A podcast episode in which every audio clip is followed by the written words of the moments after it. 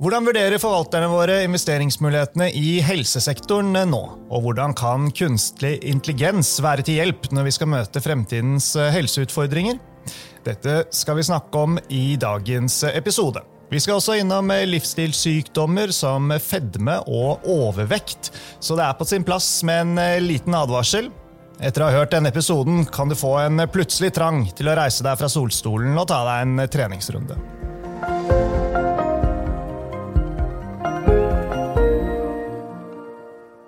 Velkommen til eh, Utbytte, DNB-podkasten der vi forklarer hva som skjer i den globale økonomien og finansmarkedene.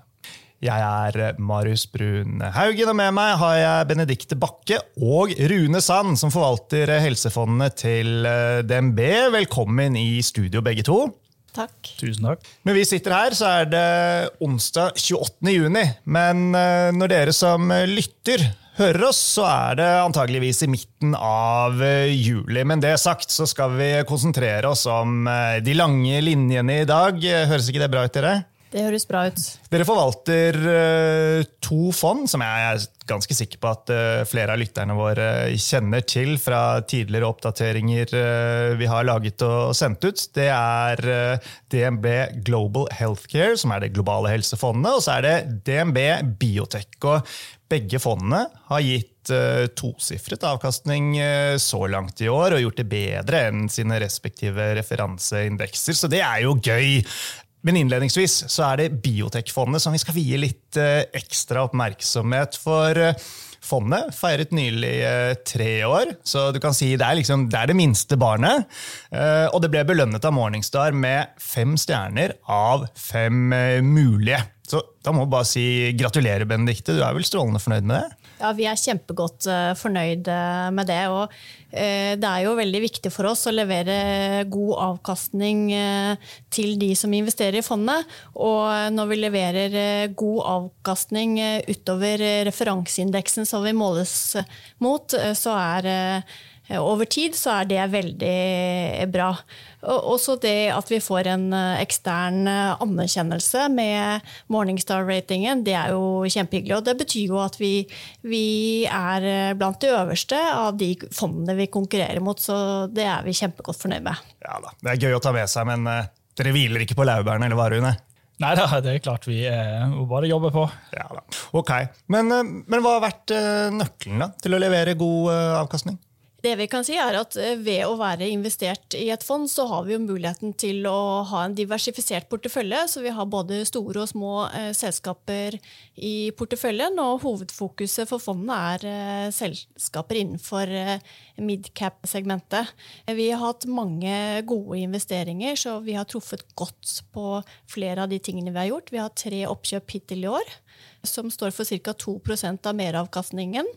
Og hittil i år har vi hatt en eh, meravkastning på i overkant av 10 så det betyr at ca. 8% av meravkastningen kommer fra andre selskaper enn det. Så det er vi godt fornøyd med. Det betyr at det ikke er eh, bare én eller to enkeltinvesteringer vi har truffet på, men at det jevnt over har vært eh, god avkastning uten at vi har gått på liksom de store blemmene.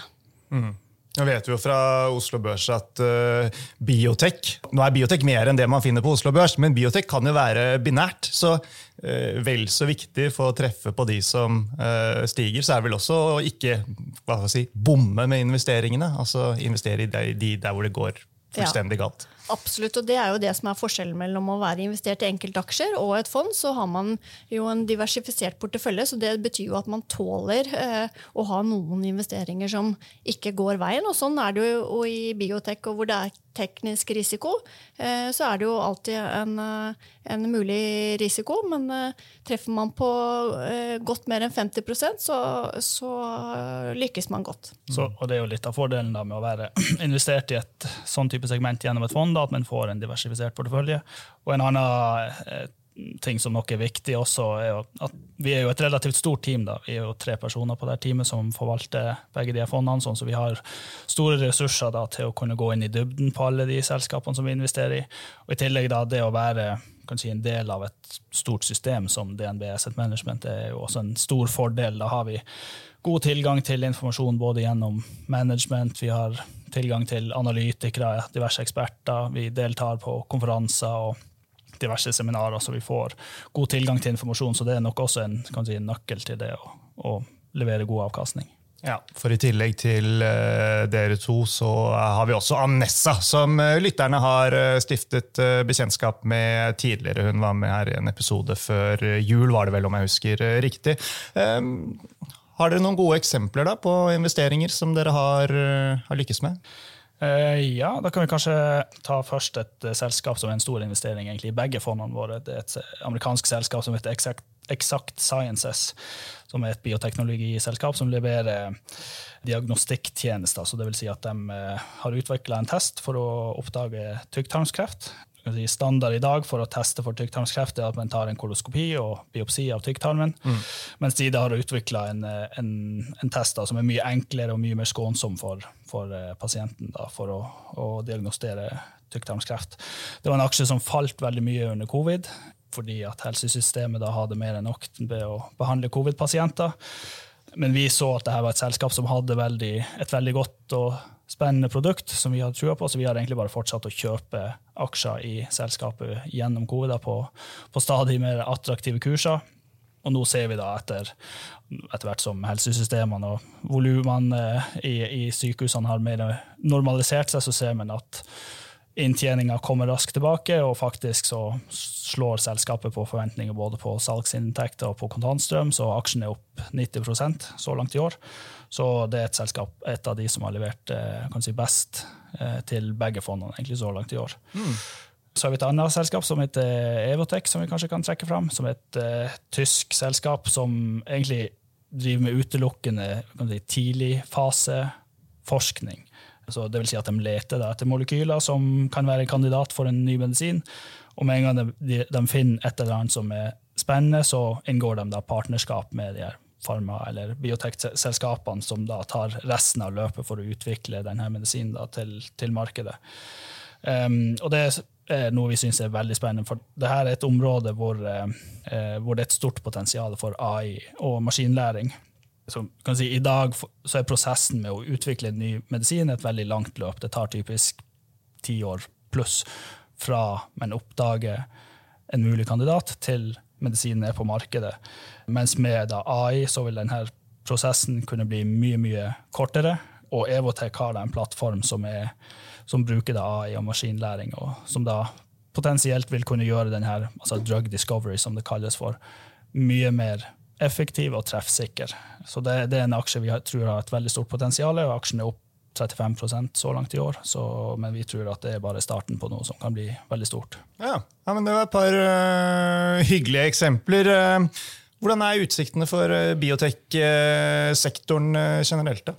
Vi er veldig positive til sektoren fremover, og det er ulike grunner til det. Hvis man ser liksom hvordan sektoren har gjort det for de siste tre årene, så har jo den vært veldig svak. Og den eh, referanseindeksen, Nasdaq Biotech-indeksen, har falt eh, ca. 2% over en treårsperiode. Eh, hvor sammenlignet med generell helseindeksen og verdensindeksen har gått mye i den perioden. Så det betyr at sektoren har vært svak over tid. Hvis vi ser siste året, så har den levert bedre. Men det betyr at mange av selskapene har hatt en eh, svak utvikling. Det har ikke vært fokus på den sektoren, og vi ser veldig gode fundamentale forhold i sektoren. Mange selskaper er lavt priset. Vi ser at innovasjonsgraden er høy. Mange lykkes med sin eh, kliniske utviklingsløp. Og vi ser også at Eh, amerikanske legemiddelmyndigheter er mer fleksible nå og mer positive til ny terapi, f.eks. genterapi. Så det er veldig mange fundamentale forhold som er gode. I tillegg så ser vi jo at de store farmaselskapene sliter med å fylle pipeline fordi de har store produkter som går av patent. Og de er helt avhengig av å fylle den veksten med noe annet. Og en kilde til det er rett og slett eksterne oppkjøp. Og det, det er jo noe av det dynamikken vi ser i sektoren. Eh, og noe av bakgrunnen vi har sett for at liksom, det siste året så har vi hatt fem selskaper i porteføljen som har blitt kjøpt, og at dette er en veldig sånn oppkjøpsorientert interessert uh, subsegment. Og det mener vi kommer til å fortsette, for det er uh, gode forhold. Og mange av de store selskapene har mye cash. Mm. Så vi er positive. Ja. Bra. Skal vi gå til eh, Vi må, vi må, liksom, vi må innom det globale helsefondet også. Da. Så, mm, jeg vet ikke, Rune, Kan ikke du minne oss på hva slags eksponering man får her, sammenlignet med Biotekfondet? Eh, ja, I Helsefondet da, så investerer vi bredt i hele sektoren. Um, så det vil jo da si at Inklusiv da selvfølgelig biotek-segmentet, men vi investerer også i de store farmaselskapene, eh, underleverandører til legemiddelindustrien, medtech-selskaper, som, som da er f.eks. Selskaper som produserer ja, alt fra MR-maskiner og kirurgiske roboter til skalpeller og nåler. Og også tjenesteleverandører innenfor helseindustrien. Så det vil f.eks. være sykehusoperatører eller eh, helseforsikringsselskaper. Så her investerer vi bredt i hele helseuniverset, men da i hovedsak i de eh, store selskapene. Så mens si, Biotekfondet er mer eh, fokusert på innovasjon, mm. Eh, så er helsefondet mer diversifisert, og så forsøker vi her å fange opp eh, si, den veksten man har i industrien som helhet. Så vi vet jo at over de neste ti årene så står vi overfor mange nye utfordringer med tanke på ja, demografi og livsstilssykdommer, eh, som gjør at vi tror at helsesektoren som helhet vil fortsette å være en sektor med høy vekst. Og det er det vi prøver å fange opp i Helsefondet, samtidig som vi forsøker å redusere risikoen ved å investere bredt, men også investere i de solide, store selskapene. Mm. Ja, og Vi skal uh, komme litt innom uh, et par av uh, investeringstematikkene, bl.a. dette med livsstil, sykdommer og fedme. Men Benedicte, du var jo nylig på helsekonferanse i USA, New York, var det ikke det? Altså, hva er inntrykket sitter med igjen fra turen? Det vi kan si nå, er jo at det er kjempemange som er eh, tilbake på konferanser, og det er eh, fullt hus og eh, kan du si stormende jubel. Det er eh, det vi ser kanskje forskjell fra litt tidligere, f.eks. tre-fem år tilbake, hvor det var ekstremt stort fokus på kreft, at det var kanskje liksom hoved. Så er eh, det er fortsatt fokus på kreft, men vi ser veldig mye nå fokus på inflammasjonssykdommer, immunologi og ikke minst fedme, i tillegg til sjeldne sykdommer. Så, så, så, det er på en måte litt sånn skift nå. Og når vi skal til, snakke litt om uh, fedme etterpå, så var det en stor konferanse forrige helg om diabetes og fedmesykdommer. Og da sa jeg nå er liksom, de fleste liksom, det er en must konferanse for eh, folk å dra på. Og tidligere var det liksom kreftkonferanse, det måtte alle dra på, men nå har liksom den kommet opp som en sånn Nei, det er ikke så viktig med den kreftkonferansen, men mm, mm. nå er det mer fedme som er liksom i fokus. Så hvis uh, bøsset på konferansen er en uh, indikator på hva skal vi si, uh, investeringsviljen og interessen for sektoren, så, så, er det bra? Det er bra. Ja, mm. ja, ja. Ok. Eh, som noen av lytterne våre vil huske, i en tidligere episode i sommer så trakk eh, Knut eh, Hellandsvik fram helse som et eksempel på en langsiktig tematikk som, som hele forvalterteamet har ekstra tro på fremover. Og jeg må jo si jeg syns det er forholdsvis greit å være enig i at det langsiktige bakteppet som dere har touchet inn på, er i helseinvestorenes favør, da, med tanke på nettopp dette som du uh, snakket litt om, Rune. Vi blir flere, vi blir eldre. Vi endrer livsstil og blir sykere. og så har vi ikke nok kapasitet eller ressurser i form av f.eks. For helsepersonell, og så er alt dette ganske dyrt å finansiere. Så, så det er nok av utfordringer i helsesektoren, men det er jo akkurat det som byr oss som investorer på muligheter. Da. Så dette med overvekt og fedme en av de store tematikkene som dere fokuserer investeringene rundt. Si litt hvorfor det er det. Ja, eh, det er jo kan si, Fedme og overvekt er jo en, eh, noe som gjelder en, en stadig økende del av befolkninga, dessverre. Men nå foregår det, da, som Benedicte var innom, en liten, eh, skal vi kalle det en liten revolusjon da, innenfor eh, muligheter for å behandle eh, nettopp overvekt. Så I dag så er det ca. en milliard mennesker globalt eh, som har eh, en BMI på over 30. Da, det, så markedet er stort? Markedet er stort i dag. Og det tallet er forventa å vokse med ja, 40% pluss frem mot 2030. Og vi vet at befolkninga generelt i samme periode skal vokse med kanskje 6-7 Så det en, det, denne delen av befolkninga kommer til å bli en stadig større del av, uh, av befolkninga. Så Tidligere så, så, tenkte man liksom at markedspotensialet var liksom 10-20 milliarder, og nå snakker man på over, langt over 100 milliarder. Og det, det illustrerer jo eh, mm. hvorfor industrien er så utrolig fokusert på denne legemiddelgruppen, og hvordan de på en måte kan ta sin andel av, av kaka. Mm. Så som Benedicte sier, altså 100 milliarder, liksom potensialet over noen år. I dag, dollar? Dollar, ja. Mm. Og i dag er vi på altså Det er jo stort sett bare Novo Nordisk da, som har produkter på markedet som er godkjent for behandling av overvekt. Altså det er de produktene som heter Saxenda og Vegovi. Det har jo Osempic også, da, som er blitt veldig kjent i media i det siste, men den er egentlig bare godkjent for eh, behandling av diabetes. Så hvis man tar da Saxenda og Vegovi, så var det ja, det selger vel for kanskje rundt to milliarder i dag. Hvor, lang, hvor, langt har utviklingen kommet? da? Behandling av uh, overvekt og fedme? Altså, har, det, har, det, har, det, kommet videre? Er det sånn at man kan ta en pille istedenfor å operere? på en måte? Nei, ja, altså Det er ikke operasjon. da. Så disse her er jo injeksjoner som du tar, eller Vegovi, da, en injeksjon som du tar en gang i uka. og Så har studier vist at man kan oppnå en 15% reduksjon da, i kroppsvekt over en periode på ett år pluss så oppnår man den effekten. Men så er det som Benedicte var innom, så var det en konferanse nå i helga hvor man har presentert fase to-studier på, på, nye legemidler. Eh, vi vet at eh, Eli Lilly kommer med en konkurrent på markedet til neste år som har vist opp mot 20% så den blir stadig bedre.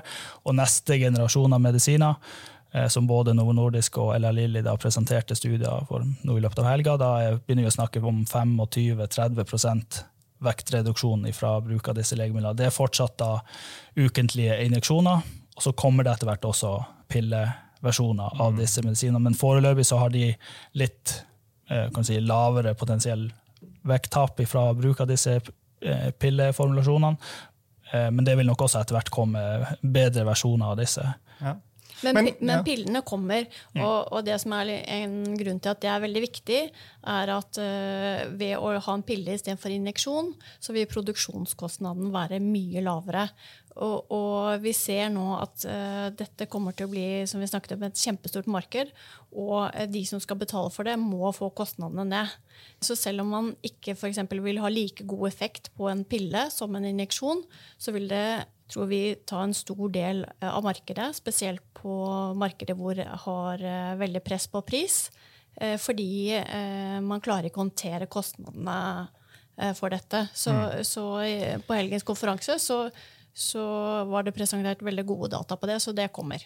Mm. Og så Til tross for at uh, markedet er stort, så høres det jo også litt ut, basert på det du sa der, Rune, som at uh, det er konkurranse her også?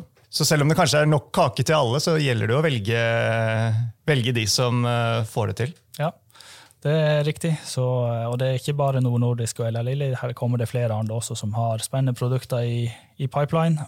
Og eh, du kan si vi har satsa eh, vi har mest tro på Eli Lilly. Det er der vi har den største eksponeringa vår, men også en liten eksponering i Novo Nordisk. Men vi har satsa på Eli Lilly fordi at de har flere kan si, fedmeprodukter ja. under utvikling som alle ser veldig spennende ut, i tillegg til at de har en hel portefølje innenfor mye annet også, så de har flere ben å stå på. Ja.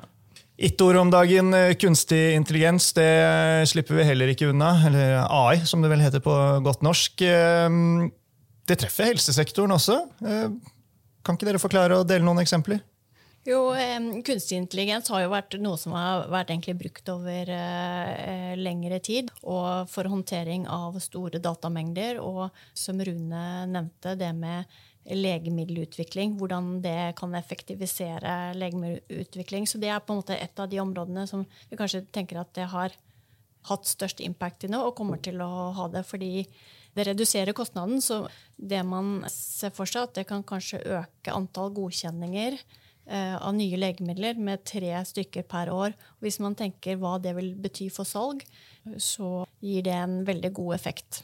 Men Alt dette med AI er veldig interessant, men hva tror dere? Altså, kommer det til å revolusjonere helsesektoren, eller er det først og fremst at det kommer til å effektivisere? Jeg vil nok tro at kanskje i første omgang så snakker vi nok om mer eh, gradvise forbedringer, effektiviseringer, og så kommer kanskje revolusjonene etter hvert. Men eh, det er litt som vi har snakka om tidligere med Evotech, som eh, kan gjøre denne drug discoveryen sin mye mye raskere enn det som har vært tidligere. Andre eksempler innenfor bildediagnostikk, f.eks. Du tar et, et MR eller en CT, så har du i dag så er det jo en en spesialist som står og vurderer disse bildene, og om det kan være noe her som bør ses nærmere på. Etter hvert sånn, så får man jo AI og sånn, som kan vurdere disse bildene mye mye raskere og mye mer treffsikkert. Andre eksempler innenfor eh, robotkirurgi for eksempel, så vil man etter hvert kunne implementere AI og kanskje etter hvert da, eh, også få en robot til å gjennomføre enkle prosedyrer. Vi er ikke der ennå, men, mm. Men, disse robotene er med på å effektivisere helsesystemet allerede i dag. For du, Rune, du er jo nettopp tilbake fra Brussel, og du har vært og testet kirurgiske roboter, har du ikke? Ja, ja, ja. Fortell, da.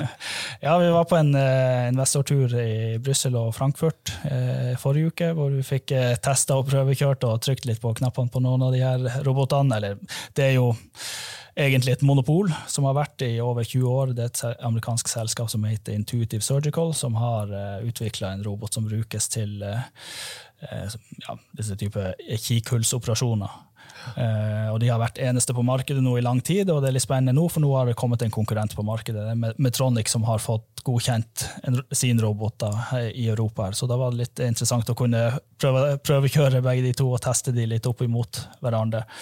Ja, hva, hva, er konklusjonen du sitter igjen med? Er du ganske sikker på at dette er uh, fremtiden? Uh, maskinen kommer til å ta over kikkehullsoperasjonen fra, fra mennesket, fra kirurgen? Ja, det er definitivt fremtiden. De kommer til å overta mer og mer enn ikke bare kikkehullsoperasjoner, men også andre typer åpne operasjoner etter hvert også. Uh, så kommer nok robotene til å spille en større og større rolle. Potensialet er kjempestort, men er bare i startfasen egentlig med å bruke disse i Norge, så har vi vel kanskje 30 roboter tror jeg, utplassert, mens globalt så er det over 8000 sånne roboter som er utplassert. og Det er et marked som vokser med i hvert fall 15% i året, og kommer bare til å fortsette å, å vokse med samme eller økende tempo i, i mange år fremover. Og Det er jo det som er så gøy med denne sektoren, da, Benedikte, når man liksom klarer å få til sånne fremskritt som, som monner. Eh, da er det jo så ekstra gøy, fordi det betyr jo så mye. ikke sant? Det betyr masse, og, og det er jo en sektor som er uh, veldig innovasjonspreget. Og, og, det gjør jo at uh, dette er ekstra morsomt for oss å kunne følge med på, på ny og spennende teknologi innenfor uh, mange subsegmenter av helsesektoren. Og det betyr jo at vi kan få nye produkter som er til gode for oss alle. Mm. Veldig bra, det. Med det så setter vi strek for uh, i dag. Men uh, jeg syns det ble en uh, veldig fin sommeroppdatering. Jeg, så tusen takk for at dere tok dere turen hit til studio. Og sist, men ikke minst, tusen takk, folkens, til alle dere som hørte på. Og ha en fortsatt riktig god sommer.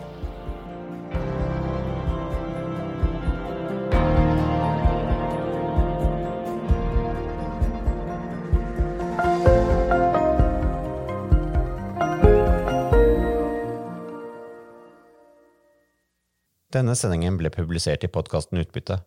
Innholdet i sendingen er å anse som markedsføringsmateriale fra DNB og er ment å være generell spareveiledning. Sendingen skal ikke oppfattes som et tilbud om å kjøpe eller selge finansielle instrumenter, eller som investeringsrådgivning tilpasset den enkelte investors situasjon. En investor som har behov for råd eller har spørsmål om informasjon som gis, bør kontakte en finansrådgiver.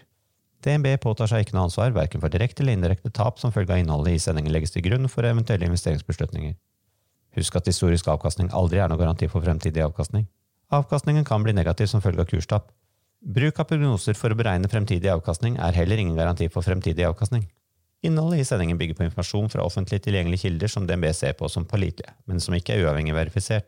Følgelig gir DNB ingen garanti i forhold til nøyaktighet og fullstendighet. Alle uttalelser her reflekterer DNBs, den enkelte ansatte, eller andre tredjeparts vurderinger på tidspunktet for den aktuelle sendingen, og kan i ettertid endres uten nærmere beskjed. Ytterligere informasjon om bl.a. kildebruk og interessekonflikter er tilgjengelig på dnb.no skråstrek invest, bindestrek disclaimer.